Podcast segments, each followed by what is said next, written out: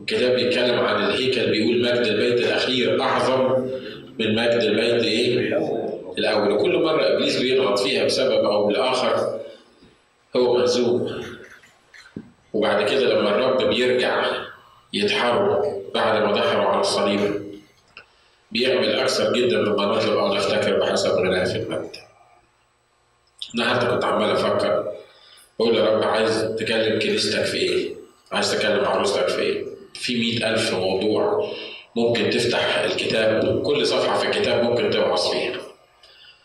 الوعظ سهل والكلام سهل لكن الرسالة اللي من الرب اللي عايز الرب يتكلم هي دي اللي لازم نكتشفها واللي لازم أكتشفها واللي لازم أخدها من الرب علشان الرسالة اللي بتبقى من الرب بتغير الحياة مش كده؟ الرسالة اللي بتبقى من الإنسان يمكن تعجب الودان تعجب الواحد وهو بيسمعها يقول يا سلام الوعظة كانت رائعة النهاردة. وبعدين يمكن اجتماع بالليل نقول مين ربنا لمسه ولا واحد ينطق.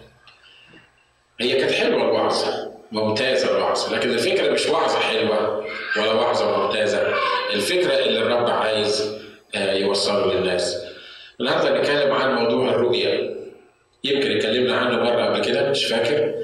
لكن النهارده الرب عايز يكلمنا عن موضوع الرؤية إزاي يكون للواحد رؤية وإيه أهمية الرؤية؟ الكتاب بيقول بدون رؤية يعمل إيه؟ يجمع الشعب يجمع دي ده بيقولوها على الحصان أو بيقولوها على الحيوان الكاسر يعني اللي ما يقدروش يمسكوه ويمشوه كويس. مين اللي بتتقال على الحصان؟ الحصان أنتوا عارفين إن عنده لجام. والمفروض إن الشخص اللي راكب على الحصان ده هو اللي بيتحكم فيه إمتى يمشي وإمتى يتحرك. لكن مرات اللجام ده ما تفهمش يحصل له إيه والحصان تطلع في دماغه حاجة تبص تلاقيه بيجري باللي على ظهره وممكن يبقى لها عواقب وخيمة جدا. فالكتاب صور إن لما يكون كنيسة ما عندهاش رؤية أو شخص ما عندوش رؤية. صور إن ده زي الحصان الجامح اللي ما حدش عايز عارف يعمل له كنترول هو مش عارف أصلا رايح فين. هو بيجري وخلاص وبيجري وبيجري وبياخد كل اللي في وشه.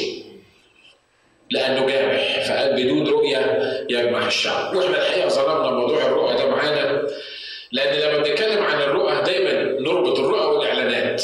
مش كده؟ دايما بنتكلم على الموضوع ده تلاقي كلمة الرؤى والإعلانات. ودايما يروح فكرنا لناس معينين ربنا بيتعامل معاهم بالرؤى والإعلانات ونقول يا سلام عايزين نروح نصلي مع الأخ فلان أو نروح نتكلم مع الأخ فلان. ده الرب بيديله رؤية. وعادة الرؤية اللي إحنا متوقعينها في حياتنا هي حل مشكلة مثلا معينة بنمر بيها آه يعني أحسن ما فينا يقول لك عايز أشوف الرب هيستخدمني في إيه أو يستعمل معايا إيه فربطنا فكرة الرؤى أو إن الرب يديني رؤية باحتياجي أو بالحاجة اللي أنا بدور عليها ومعظمها بتبقى احتياجات جسدية ما بتبقاش احتياجات روحية لكن موضوع الرؤى ده موضوع أبعد شوية من تفكيرنا اللي إحنا بنفكر فيه مش موضوع واحد عنده الموهبة دي والعملية مش عايزة موهبة باي ذا يعني ما هياش ما هياش يعني في آه يعني الرب بيدي بالروح القدس لناس رؤى معينة وإعلانات معينة لغيرها لكن أنا فين من الرؤية بتاعت الرب؟ هل الرب افرض النهارده ما فيش واحد في المحيط بتاعي عنده الموهبة دي أو العطية دي من الرب؟ هل أنا لازم أروح أدور عليه ولا أكلمه بالتليفون أو استنى لما يجي يزورنا بعد سنة أو اتنين علشان يكلمني عشان يقول لي الرب عايز مني إيه؟ دي مرات كتيرة الغلطة اللي إحنا بنقع فيها ومرات بنفكر أنا عايش ليه لبكرة؟ أنت عايش ليه لبكرة؟ إيه هدفك في الحياة؟ إيه اللي أنت متوقع إنه يحصل في حياتك؟ وأنا عايزك تشغل دماغك معايا وتشغل قلبك وتسيب الروح القدس يشتغل فيك. أنت عايز إيه من بكرة؟ أنت متوقع إيه من بكرة؟ إحنا ككنيسة متوقعين إيه من الرب إنه يعمله في وسطينا؟ هل في رؤية شخصية لحياتي؟ وكل واحد من الرب يبص تحت رجليه، رؤيتي النهارده إن أنا أشتغل، لو ربنا بعت لي شغل هيبقى رائع وعظيم جدا، طب ربنا بعت لك شغل وبعد الشغل. أه لو ربنا عمل معايا الحكاية دي يبقى شيء رائع جدا، طب الرب يعمل معاك الحكاية دي وبعدين بكرة شكله إيه بالنسبة لك؟ أنت عايش ليه؟ أنت بتفكر في إيه في المستقبل؟ أنت متوقع يحصل في حياتك إيه؟ تقول لي أخ راجع حياتي مين؟ ده أنا لا عارف أعمل حاجة ولا عارف ويمكن أنا راجل كبير ولا ست كبيرة كل الكلام ده ما ينفعش عند الرب لأن الكتاب بيقول إن الله أعد أعمال صالحة ينبغي إن إحنا نعمل إيه؟ نسلك فيها هي إيه الرؤية ببساطة؟ الرؤية ببساطة إنك تكتشف الأعمال الصالحة اللي الرب أعدها علشان تسلك فيها. والأعمال الصالحة دايما وإحنا بنتكلم بنتخيل إن الأعمال الكبيرة في الخدمة. الحاجة الكبيرة اللي ربنا عايز نعملها، كنت أسيس في كنيسة ولا قائد ولا بالنسبة للبيت، حاجة كبيرة كده تنزل من السماء أعمال سبق الله فأعدها لكي نسلك فيها. لكن الأعمال اللي سبق الله فأعدها لكي ما نسلك فيها ما هياش رؤية كبيرة للخدمة هي حياتي اليومية من ساعة ما بفتح عينيا لغاية ما بغمض عينيا. في حاجة في سكادول معمول ليا في تنظيم معمول ليا الرب أعده ليا لأننا نحن عمله الكتاب بيقول كده في أفسس 2 10 لأننا نحن عمله مخلوقين في المسيح يسوع لأعمال صالحة قد سبق الله فأعدها لكي نسلك ببساطة هي إيه؟ ما هياش إنك تغمض عينيك وتبص تلاقي ربنا عمال ياخدك كده على جبال و... ومش عارف حصل إيه. وبعدين أنت كنت بتتكلم وبعدين بقى في كرسي كبير وبعدين الناس جت بالألاف. آمين. يحصل الكلام ده والرب يدي لك العملية دي. بس وأنت قاعد تتفرج على الجبل والكرسي والكلام الكبير قوي العظيم اللي أنت بتتكلمه دوت أنت عايش في كهف. وأنت تعبان في حياتك اليومية وعمال تقوم وتقع. رؤيتي أنا لبكره إيه؟ اللي النهارده إيه؟ الأعمال الصالحة اللي سبق الله فاعدها لكي ما نسلك فيها. عشان كده وإحنا بنتكلم على الرؤية عايزين نتكلم عن الحتة دي. رؤية الأعمال الصالحة التي سبق الله فأعدها لكي ما نسلك إيه؟ فيها. دي الحاجة اللي أنا عايز أكتشفها. ومرات كتيرة بتخيل إن عشان أكتشفها لازم يعني أفضل ماسك في الرب وأصلي وأعمل معروف. يا رب ووريني الأعمال الصالحة. ويا رب وأنا وأنا بعيد عنك ليه؟ ويوم فوق و10 أيام تحت.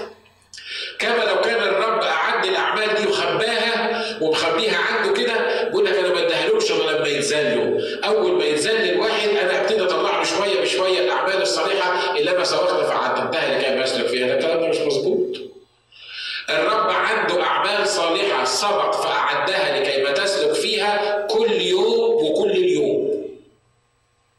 والشيء الطبيعي إن أنا أكتشف هذه الأعمال، بعضها خاص بالنهاردة وبعضها يمكن الرب يكلمني عليه بعد شهر وبعدين مرات الرب يكلمني قبلها بعشر سنين لكن محصلة الرؤية دي اللي الرب يدهاني لحياتي هي بتنفذ الأعمال الصالحة اللي الرب أعدها لكي ما نسلك فيها. يبقى الرؤية هي إيه؟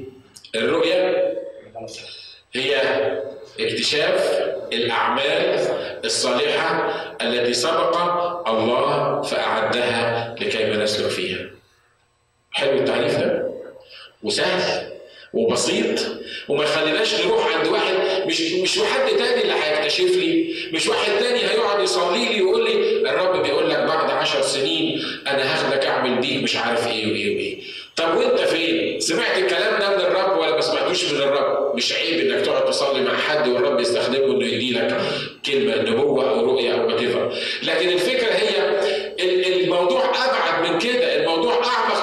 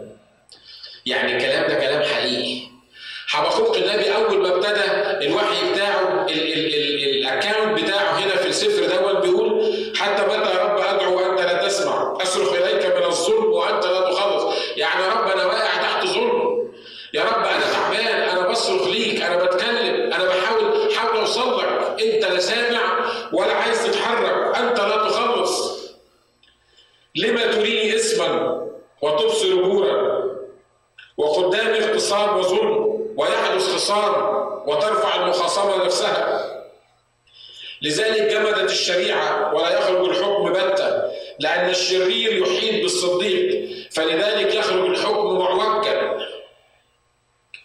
حالة صعبة مش كده؟ ها؟ حالة صعبة. كله بايظ كله خربان البيت خربان الشغل خربان العلاقات خربانة. البزنس خربان كله تعبان. ظلم بنشوف الظلم حوالينا ظلم في بيوتنا ظلم بره بيوتنا. الدنيا ملخبطة إحنا مش عارفين. وفين ربنا إحنا عمالين نتكلم والراجل بيقول له متى رب أدعو وأنت لا تسمع. يعني واحد بيروح للرب وبيدعو يا رب اسمع صلاتي يا رب شوف الموضوع اللي أنا فيه يا رب يا رب اعمل معروف تداخل. أصرخ إليك من الظلم وأنت لا تخلص. أنت فين؟ أنت موجود ولا مش موجود بعد كده اقرا معايا اصحاح اثنين وعدد واحد من عدد واحد الاخ حبخوك بعد ما اتكلم عن الظلم والفساد والتعب وكل الدنيا دي بيقول على مرصدي أقف وعلى الحصن أنتصر وأراقب لأرى ماذا يقول لي وماذا أجيب عن شكواي ده واحد سهران مستني الرب على المرصد. أنت عارف المرصد لما بيحطوا فيه التلسكوب ده وبيحاولوا يشوفوا الحاجات البعيدة أو الناس الحراس اللي بيقفوا على مدينة. بيقول على مرصدي اقف وعلى الحصن انتصب وأراقب. بتشوف إيه مستني إيه لاراقب ماذا يقول لي وماذا أجيب عن شكواي يا رب أنا بعد ما صرخت بعد ما ما طلبت انت ناوي تعمل معايا إيه؟ انت ناوي تعمل في الظلم اللي إحنا فيه ده؟ الشرير بيحيط بالصديق، الصديق مش قادر يتحرك، الشرير راكب على كتافه، اللي واضح إن الشرير هو اللي منتصر، واضح إن الشر هو اللي ماشي، واضح إن إحنا صلينا لك عشان موضوع واثنين وثلاثه واربعة ومش عارف إمتى هتتحرك وإمتى هتعمل حاجة يا رب لاني تعبت.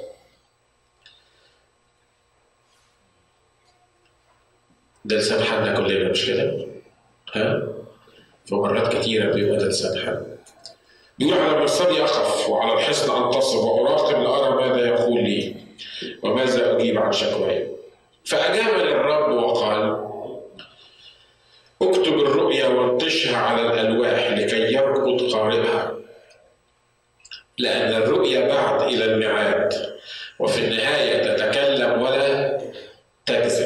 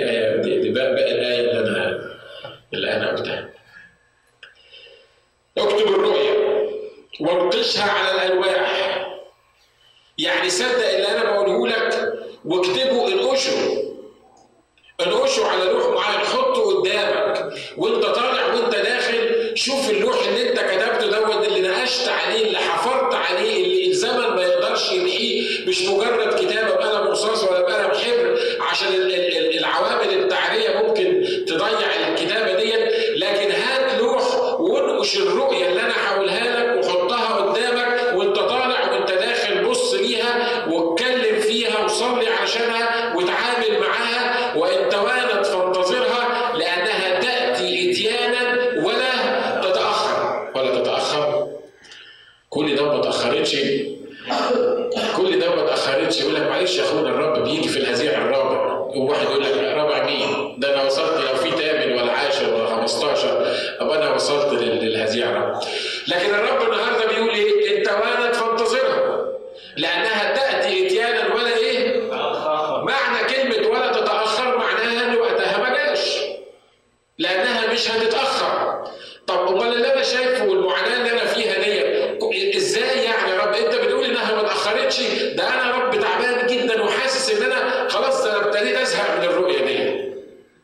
كده ربنا النهارده بيقول لك بيقول لك انت وارد فانتظرها لأنها تأتي اتيانا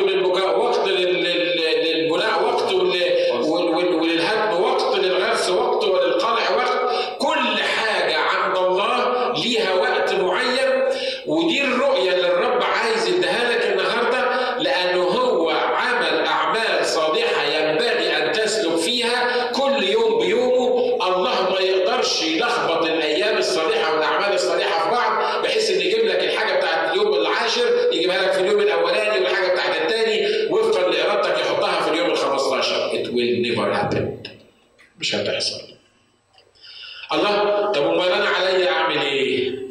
اكتب الرؤيا وانقشها على الألواح لكي يركض قارئها لأن الرؤيا بعد إلى الميعاد وفي النهاية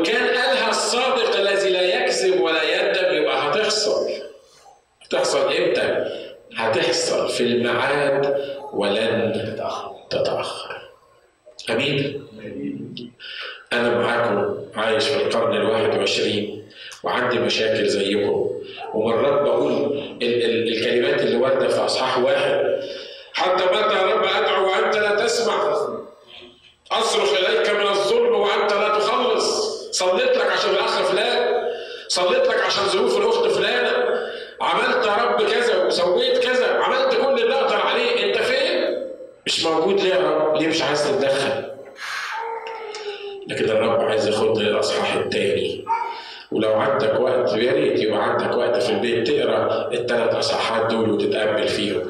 الرب على غفله كده بيجاوب بيقول له بص أنا هقول لك اللي هيحصل بس مش هيحصل بسرعة أنا هقول لك اللي اللي المفروض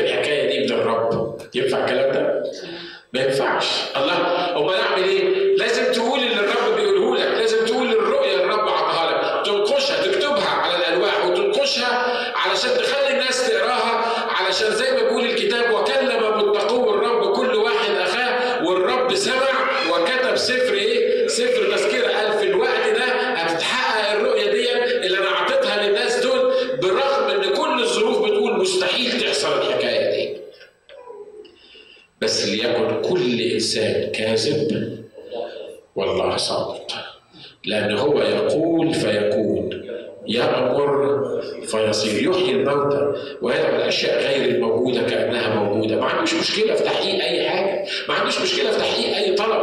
ما عندوش مشكلة في إن هو يملك كنيسه في لحظة. ما عندوش مشكلة إن هو يصنع المستحيل. ما عندوش مشكلة. لكن هو عنده تايمينج وقت معين.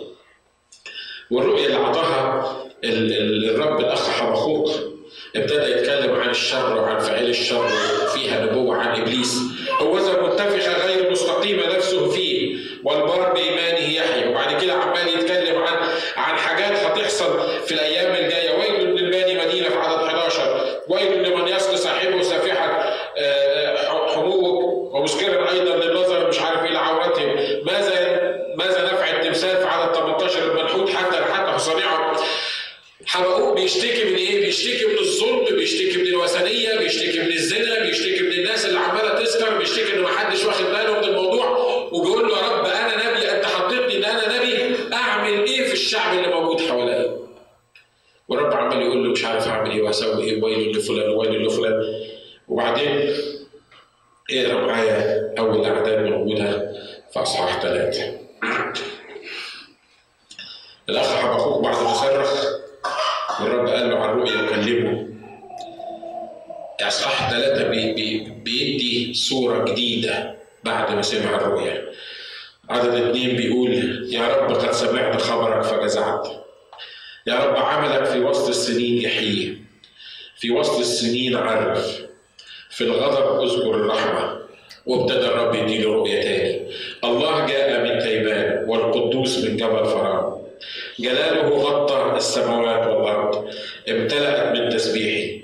وكان لمعان كالنور وله من يده شعاع وهناك استطار قوته. قدامه ذهب الوباء وعند رجليه خرجت الحمى. خلي بالكم ده مين اللي كان بيتكلم ده؟ بيوصف جمال الرب دلوقتي وبيوصف اللي الرب هيعمله مع إنه قبلها بإصحاحين كان بيصرخ ويقول له يا رب إلى متى أدعو واصرخ وأنت مش عايز تسمع ابتدى الرب هنا يديله الرؤية لغاية ما وصل عند الآيات الشهيرة اللي إحنا كلنا عارفينها واضح ان الظروف بتاعة حبقوق ما اتغيرتش مش كده؟ لأن من أول الأصحاح بيقول الظلم والتعب وفي آخر الأصحاح بيقول الكلمات دي. عدد 17 بيقول فمع أنه لا يزهر الدين ولا يكون حمل في الكروب يكذب عمل الزيتونة والحقول لا تصنع طعاما يعني كل الزراعة اللي هي أصلا البلد قايمة عليها كلها بيضاء لا فيه تين ولا فيه كروم ولا فيه زيتون ولا حتى قمح ولا حاجة تتاكل مفيش حاجة خالص. الحقول لا تصنع إيه؟ لا تصنع طعام. خلي بالكم من إسرائيل في الوقت ده وعلى طول إسرائيل كانت معتمدة على الزيتون مثلا وزيت الزيتون وعصير الزيتون. الكروم اللي موجودة عندها لأنه لما راحوا الناس الجواسيس جابوا أنتوا عارفين الكروم إسرائيل كانت التين والحاجات دي بالنسبة لها حاجة اقتصادية مش مجرد حاجة تاكلها لكن دي حاجة اقتصادية بتصدرها لكل العالم. ولغاية النهارده بيعملوا كده في الزراعة بتاعتهم ولغاية النهارده بيكتشفوا حاجات جديدة في الزراعة بتاعتهم. والأخ حبقوق بيبص كده على الحاله اللي موجودة جنبه بيقول لك مفيش تين ولا يكون حمل في الكروم يكذب عمل الزيتونة والحقول لا تصنع طعاما. في مجاعة. يا ترى هو ده حالك؟ هو ده اللي انت حاسه حواليك. مفيش فلوس مفيش مصاري. مش عارفين نكمل آخر الشهر شكله إيه. مفيش تين مفيش كروم مفيش حاجة خالص. ينقطع ينقطع الغنم من الحظيرة. مفيش لبن كمان مفيش جبنة. عارف لما تقعد تشوف أنت شوية الحاجات اللي ذكرهم حققوه هنا تلاقي مفيش أي نوع من الأكل. أبيض كل منتجات الالبان ينقطع الغنم من الحظيره ولا بقر في المزارع مفيش حتى حاجة تساعد الفلاح في الشغل عشان يطلع أكل. يعني لا في الغيط في حاجة ولا في المزود في حاجة لا فيه زراعه ولا فيه انتاج حيواني واضح ان الدنيا الاخ حقوق فاول عدد يقول إلى متى ادعو وانت لا تخلص وهنا يقول فاني ابتهج بالرب وافرح بمين حتى لو اتجردت من كل ده حتى لو ما كانش فيه تين ولا زيتون ولا كروم ولا حقول لا تصنع طعاما حتى لو ما فيش غنم ولا بقر في المزاود حتى لو كنت مش لاقي اكل حتى لو كانت ظروفي متلخبطه حتى لو كانت المصايب محيطه بيا من كل ناحيه حتى لو كنت مش عارف ا control نفسي ولا control اللي حواليا لكن النتيجه النهائيه أنا هفرح بمين؟ هفرح باله خلاصي الجبار اللي في وسط شعبه بيخلص. دي الرؤيه اللي الرب عايزنا نشوفها النهارده. يا ترى انت بتفرح بمين؟ ها؟ المفروض انك تفرح بالرب مش كده؟ طب لو المرتب اتمنع الكلام كويس لكن المهم في العمل طب لو الدنيا باظت في البيت عندي مشكلة في البيت كبيرة لكن الرب عايز يقول لك النهارده شوف خلي عندك رؤية واكتشف الأعمال الصالحة التي أعددتها أنا لكي ما إيه؟ لكي ما تسلك بها. فإني أف فإني أبتهج بالرب وأفرح بإله خلاصي. عدد 19 بيقول السيد الرب قوتي. عندك قوة انت ما بتاكلش انت موجود في مجاعة. ما عندكش مصاري تشتغل. ما تش قادر تعمل ولا حاجة. جبت منين القوة دي؟ الرب السيد قوتي. ويجعل قدمي كالأيائل ويمشيني على مرتفعاتي عجيبة عجيبة آخر عدد لما تقرب اول عدد في حبقوق وبين الاثنين دول الرب ما صلحش الأمور بتاعت حبقوق لكن الرب عمل إيه؟ عطاله رؤيه امين الرؤية إنك تكتشف أهمية الأعمال الصالحة اللي الرب سبق وعدها لكي ما يسلك فيها.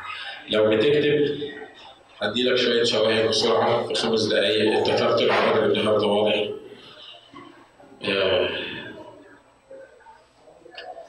إيه هي أهمية الرؤية؟ الكتاب بيقول بدون رؤية يعمل إيه؟ يلمح الشعب، بكرة ما عندكش أمل. بكرة ما عندكش انتظار بكرة مش متوقع حاجة معينة ولو انت نسيت كل الخدمة بتاعتي عايزك النهارده بالذات تسأل الرب انت عايز مني إيه بكرة؟ مش فكرة ان إحنا نعيش يوم بيوم لكن انت عايز مني إيه؟ انت عايز تخليني اعمل إيه؟ وعايز أقول لك ان الرب ممكن يعمل بيك حاجات ما تتخيلهاش.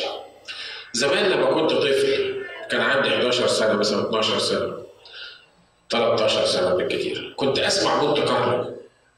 ولما أسمع مونت كارلو آه اللي هي الإذاعة العربية اللي بتيجي من مونت كارلو أشوف الناس القسيس فلان والأخ فلان بيعملوا برنامج وأقعد أتخيل كده وأقول يا سلام لو أقابل حد فيهم دول أو أتكلم مع حد فيهم دول ده إيه العظمة اللي هم فيها دول ده بيتكلموا بيعملوا برامج بتلف كل العالم وفجأة الرب قال لي أنا عايزك تعمل برنامج يلف كل العالم. زمان لما كنت أفكر في الحاجات اللي, الإخوة الكبار بيعملوها تلفزيون مثلا لما يبقى عندك تلفزيون ولا تطلع في برنامج تلفزيوني يبقى قصة كبيرة قوي. لما عملت آخر برنامج في التلفزيون اتذاع في 27 دولة. أنا قاعد في استوديو أقل يمكن في الحجم من الاستوديو بتاعنا وبتسجل وال وال وال والبرنامج بيتذاع في 27 دولة، إيه اللي حصل؟ هل ممكن الله يستخدم ناجي الناجي الطبيعي ناجي البسيط ناجي الغلبان ناجي اللي مش مشهور ناجي الفقير اللي, اللي كان بيبقى يعني زي ما بيقولوا بيكمل باقي عشاه نوم في وقت من الأوقات اللي ما كانش يحلم أصلا إن هو يقعد يتكلم ل 10 تنفار هل ممكن الرب يستخدم ناجي ان صوته يلف كل العالم؟ ممكن؟ يعمل معاك أنت كمان كده؟ ولا مع ناجي بس؟ أنا عايز أقول لكم إن ناجي ما عملش حاجة عشان الرب يعمل معاه كده صدقوني. في يوم من الأيام قاعدين في اجتماع صلاه بسيط الرب بيقول لي صوتك سيذاع في كل العالم وهيسمعوا صوتك من فوق جبال أورشليم. أول فكره جت عندي قلت فوق جبال أورشليم؟ هي أورشليم هتعمل برنامج عربي مسيحي من فوق جبال أورشليم عشان صوتي يتذاع من كل من فوق جبال أورشليم؟ مستحيل يحصل الكلام. ما شكيتش صحيح في الموضوع ده. ووقفت الاجتماع أو بعد الاجتماع يعني في فترة المشاركة كده قلت يا إخوة الرب بيقول لي دلوقتي إن صوتك هيتسمع من كل العالم ومن فوق جبال أورشليم. دي اسمها إيه دي؟ رؤية الرب اتكلم فيها وفعلا الرب وراني ترانسميشن موجود فوق جبل من جبال اورشليم كبير جدا وبيبعت البرامج لكل العالم صدقوني أسبوع واحد أنا عارف ان إحنا كلنا بنحب الرؤى اللي نسمعها النهارده بتتحقق بعد أسبوع ها انما اللي بتتحقق بعد شهرين ثلاثة دي ممله بتخلي الواحد يعني يشك في نفسه بعد أسبوع واحد بيتصل بيا مسؤول في الإذاعة اللي إحنا بنذيع منها ويقول لي بقول لك إيه؟ قلت له نعم قال لي إحنا we like your program so much إحنا البرنامج بتاعك حبيناه جدا وإحنا بنعرض عليك ان إحنا نذيع البرنامج بتاعك free من غير additional cost يعني مش هتدفع فلوس تاني هنذيع البرنامج بتاعك أنا مش هقدر أقول لك منين بالظبط لكن الحاجة اللي هقدر اقولها لك ان البرنامج بتاعك هيتذاع من فوق جبال اورشليم والنهارده البرنامج كان بيتذاع من فوق جبال اورشليم بيطلع من فوق جبال اورشليم للستلايت لما رحت قريه من القرى بتاعتنا في, في قريه اسمها الغنايم في اخر صعيد مصر لقيت ابن عمتي بيقول لي أنا سمعت صوتك امبارح وانت بتتكلم وكنت بتقارن بين المسيح وموسى أنا عارف ان انت ما كنتش بتقارن بين المسيح وموسى انت كنت بتقارن بين المسيح ومحمد لكن ما قدرتش تقول الكلمة دي لأن ما ينفعش إنك تقارن بينهم فأنا قلت له انت مخبول ولا إيه؟ سمعت صوتي فين؟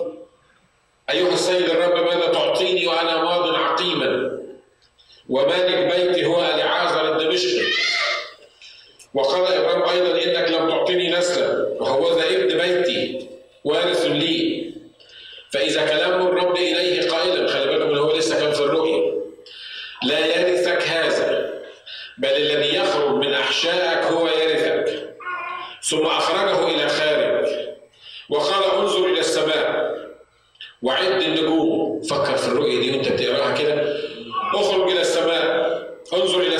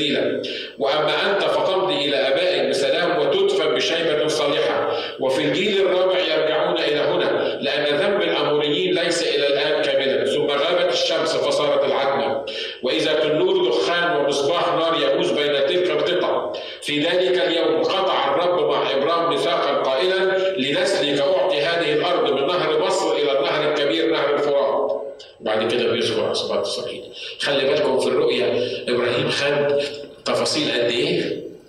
خد تفاصيل أكثر من 430 سنة يبقى الرؤى دي حاجة مهمة يا إخواننا مش كده برضه؟ يبقى الرؤى أكبر شوية من حكاية قدامك سكة سفر وهتتجوز ديا ولا مش هتتجوز ديا لأن ده حصرنا نفسنا فيه. لما أكون عايز أتجوز أروح للراجل يشوف لي رؤية. هي دي اللي هاخدها ولا مش هي دي اللي هاخدها؟ فلان يقول لي آه تنفع والتاني يقول لي لا ما تنفعش. وأنا اللي ضعت بين الاثنين لا عارف أخدها لأن واحد قال لي خدها وواحد قال لي سيبها. وأنا مش عارف أعمل إيه. وفي الآخر زي ما تحصل يمكن هي اللي تسيبني. مش أنا اللي أسيبها. الرؤية أبعد شوية من من من شوية أمور عاطفية أو تخيلات أو حتى حاجات حقيقية ليك أنت مجرد كلمتين ثلاثة أربعة تمسك فيهم وتتعلق فيهم وتتخيل إن هم دول حياتك. لا دول مش حياتك، في الرؤية هنا مع إبرام الرب أعطاله مواعيد مئات السنين ابتدت تتحقق حتى لما قال له شوف الأمة اللي هتستعبد الأمة الإسرائيلية أنا حادنها وهيخرجوا بأموال جزيلة اقرا في سفر الخروج تلاقيهم لما خرجوا فعلا الكتاب بيقول الإسرائيليين نهبوا المصريين وأنا أؤكد لكم مش كل الرؤية مدونة هنا لأن واضح إن الكلام ده خد من الرب كتير وهناك قطع الله عهد مع إبراهيم. ودي الطريقة اللي كان الرب كان العهد القديم بيقطعوا بيها العهد. يجيبوا الفرخة مثلا أو الحمامة ويشقوها اثنين ويحطوا نص هنا ونص هنا. وبعدين يمسك الاثنين اللي هم هيعملوا العهد يمسكوا ايدين بعض ويجتازوا وسط الذبيحة المقطوعة دي كانه بيقول له على دمي على حياتي على جثتي لو أنا خالفت معاك الامر اللي انت اللي اتفقنا عليه أنا وانت. وده اللي عمله الرب بس الرب ما دخلش إبراهيم في العملية دي الرب دخل النور النار دور عشان العهد ده الرب اللي قطعه مع إبراهيم مفيش علاقه لابراهيم مع الموضوع ده الكتاب بيقول لما كانت العتمه كانت في جوارح بتيجي عايزه تاخد الوعد ده عايزه تاخد العهد ده إبراهيم عدل الذبيحه دي وحطهم قصاد بعض ومستني العهد يقطع لأن دي الطريقة زي ما قلت لكم اللي بيقطعوا بيها العهد لكن لما الدنيا ضلمت ابتدت الجوارح تنزل عشان تاكل الجثث دي كل اللي كان بيعمله إبراهيم هو إيه بيهش الجوارح ديت ما بيخليهاش تاكل الجثث دي وده اللي بيعمله معاك ابليس لما الرب يدي لك رؤيه ووعد معين تبص تلاقي إبليس عايز يجي ينهشه عايز ياخده عايز يقطعه عايز يخليك تبص للمنظور عايز يخليك ما تفكرش أبعد من البتاع يقول لك طب فين الكلام اللي قاله الرب؟ وتبص تلاقي فعلا ظلمة جاية عليك ظلمة مرعبة وواحد بيجي يشككك في كل اللي قاله الرب كل اللي قاله الرب واللي وعدك بيه يجي يشككك فيه. معقولة يحصل كده؟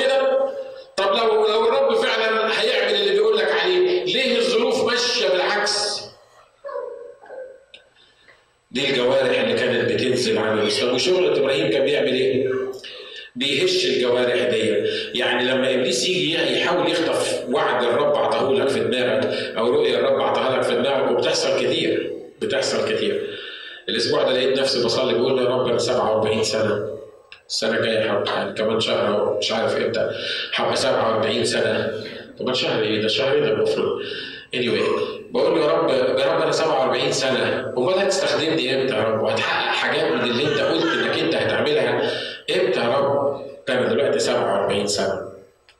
وإبليس تبص تلاقيه زي زي الجوارح زي النسر لما بينزل بيشوف حتة كده حتة لحمة بيركز عليها أو حتة فرخة ولا وات تحت بيركز عليها ويجي عايز يخطفها منك وياخد بعدك ويمشي. وإبليس كل وعد يديهولك الرب لازم يحاول يخطفه منك عشان ياخده منك عشان تتشكك فيه عشان ما يحصلش.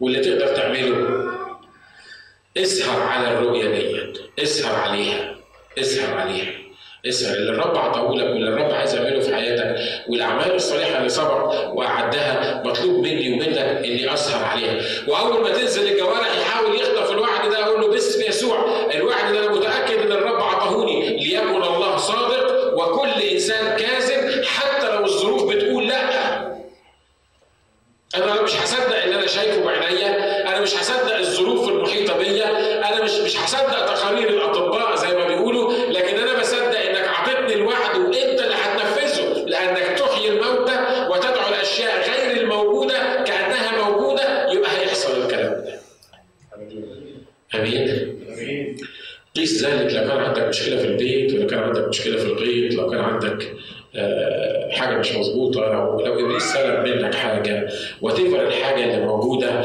قول للرب اديني رؤيه النهارده للموضوع ده لأن بدون رؤيه ينبح الشعب خلي بالك في فرق بين التخيل وفي فرق بين الرؤيه التخيل دي اسمها احلام يقظه احلام اليقظه دي كلنا لما كنا اطفال وصدقوني وإحنا برضه شباب ويمكن وإحنا كبار كنا بنستمتع بالأحلام اليقظه تبني أهرام كده وأنت قاعد في بيتكم بالليل وهتروح ومش عارف هتاخد مين وهتسوي إيه وهتعمل. تصحى الصبح فتح الشمس ما تلاقيش حاجة من احلام اليقظه دي تلاقي نفسك في الواقع وغصب عنك تروح الشغل ولا المدرسة وتنسى الموضوع لغاية تاني يوم بالليل يحصل الحكاية دي. لكن في حاجة اسمها رؤية. الرب يتكلم بأمور غريبة. الرب يتكلم بحاجات ما صدقهاش العقل. الرب يقول هعمل كذا. وانت تتمسك بالوعد ده. كتاب هنا وهنختم بالحكاية دي وبعدين نكمل بعد كده عن أهمية الرؤية في حياتنا وإيه اللي ممكن تعمله الرؤية في حياتنا. الكتاب بيقول انقشها زي ما ابتدينا على إيه؟ على الألواح. النقش ده بياخد وقت مش كده؟ والنقش ده بياخد تعب وبياخد عمل. أنا كتبت ورقة بمواعيد الرب قلت لكم الحكاية دي هفكركم بيها. كنتوا أفتكروها. كتبت ورقة بمواعيد الرب.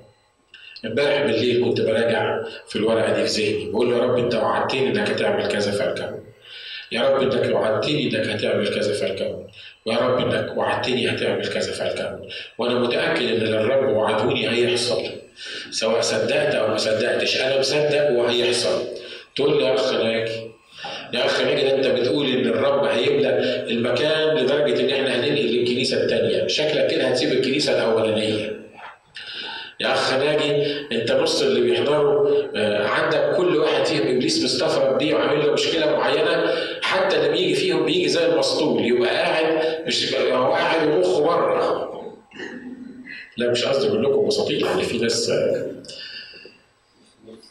نص نص يا اخ ناجي بلاش بقى الكلام اللي أنت بتقعد تقوله ده من على المنبر. واحدة زمان قالت لي ما كنا قاعدين في كنايس ومستريحين ولا كان عندنا رؤية ولا حد كان بيقول لنا هيحصل في وسطيكم ولا حد كان بيكلمنا على شفا ولا غيره. إحنا من ساعة ما جينا لك الكنيسة دي وأنت جننتنا. أشكر الله لأن أنا مجنون وأحب اتلمع على المجانين اللي زيي. المجانين اللي بيشوفوا الرؤية بتاعت الرب ورغم كل اللي بيحصل يقولوا هيحصل يعني هيحصل. أمين؟ امين كم واحد يبقى من المجانين النهارده؟ والوعود اللي عطاها لنا الرب يقول يا رب أنا أنا أنا أنا قابل ان أنا ابقى مجنون يا رب. أنا قابل أبقى فعلا كريزي الناس كلها بيقولوا انه إن أنا عارف إن ممكن يكون شكلي كريزي اللي أنت وعدتنا بيه لأنك امس واليوم وإلى الأبد. لا يعتريك تغيير ظل طوال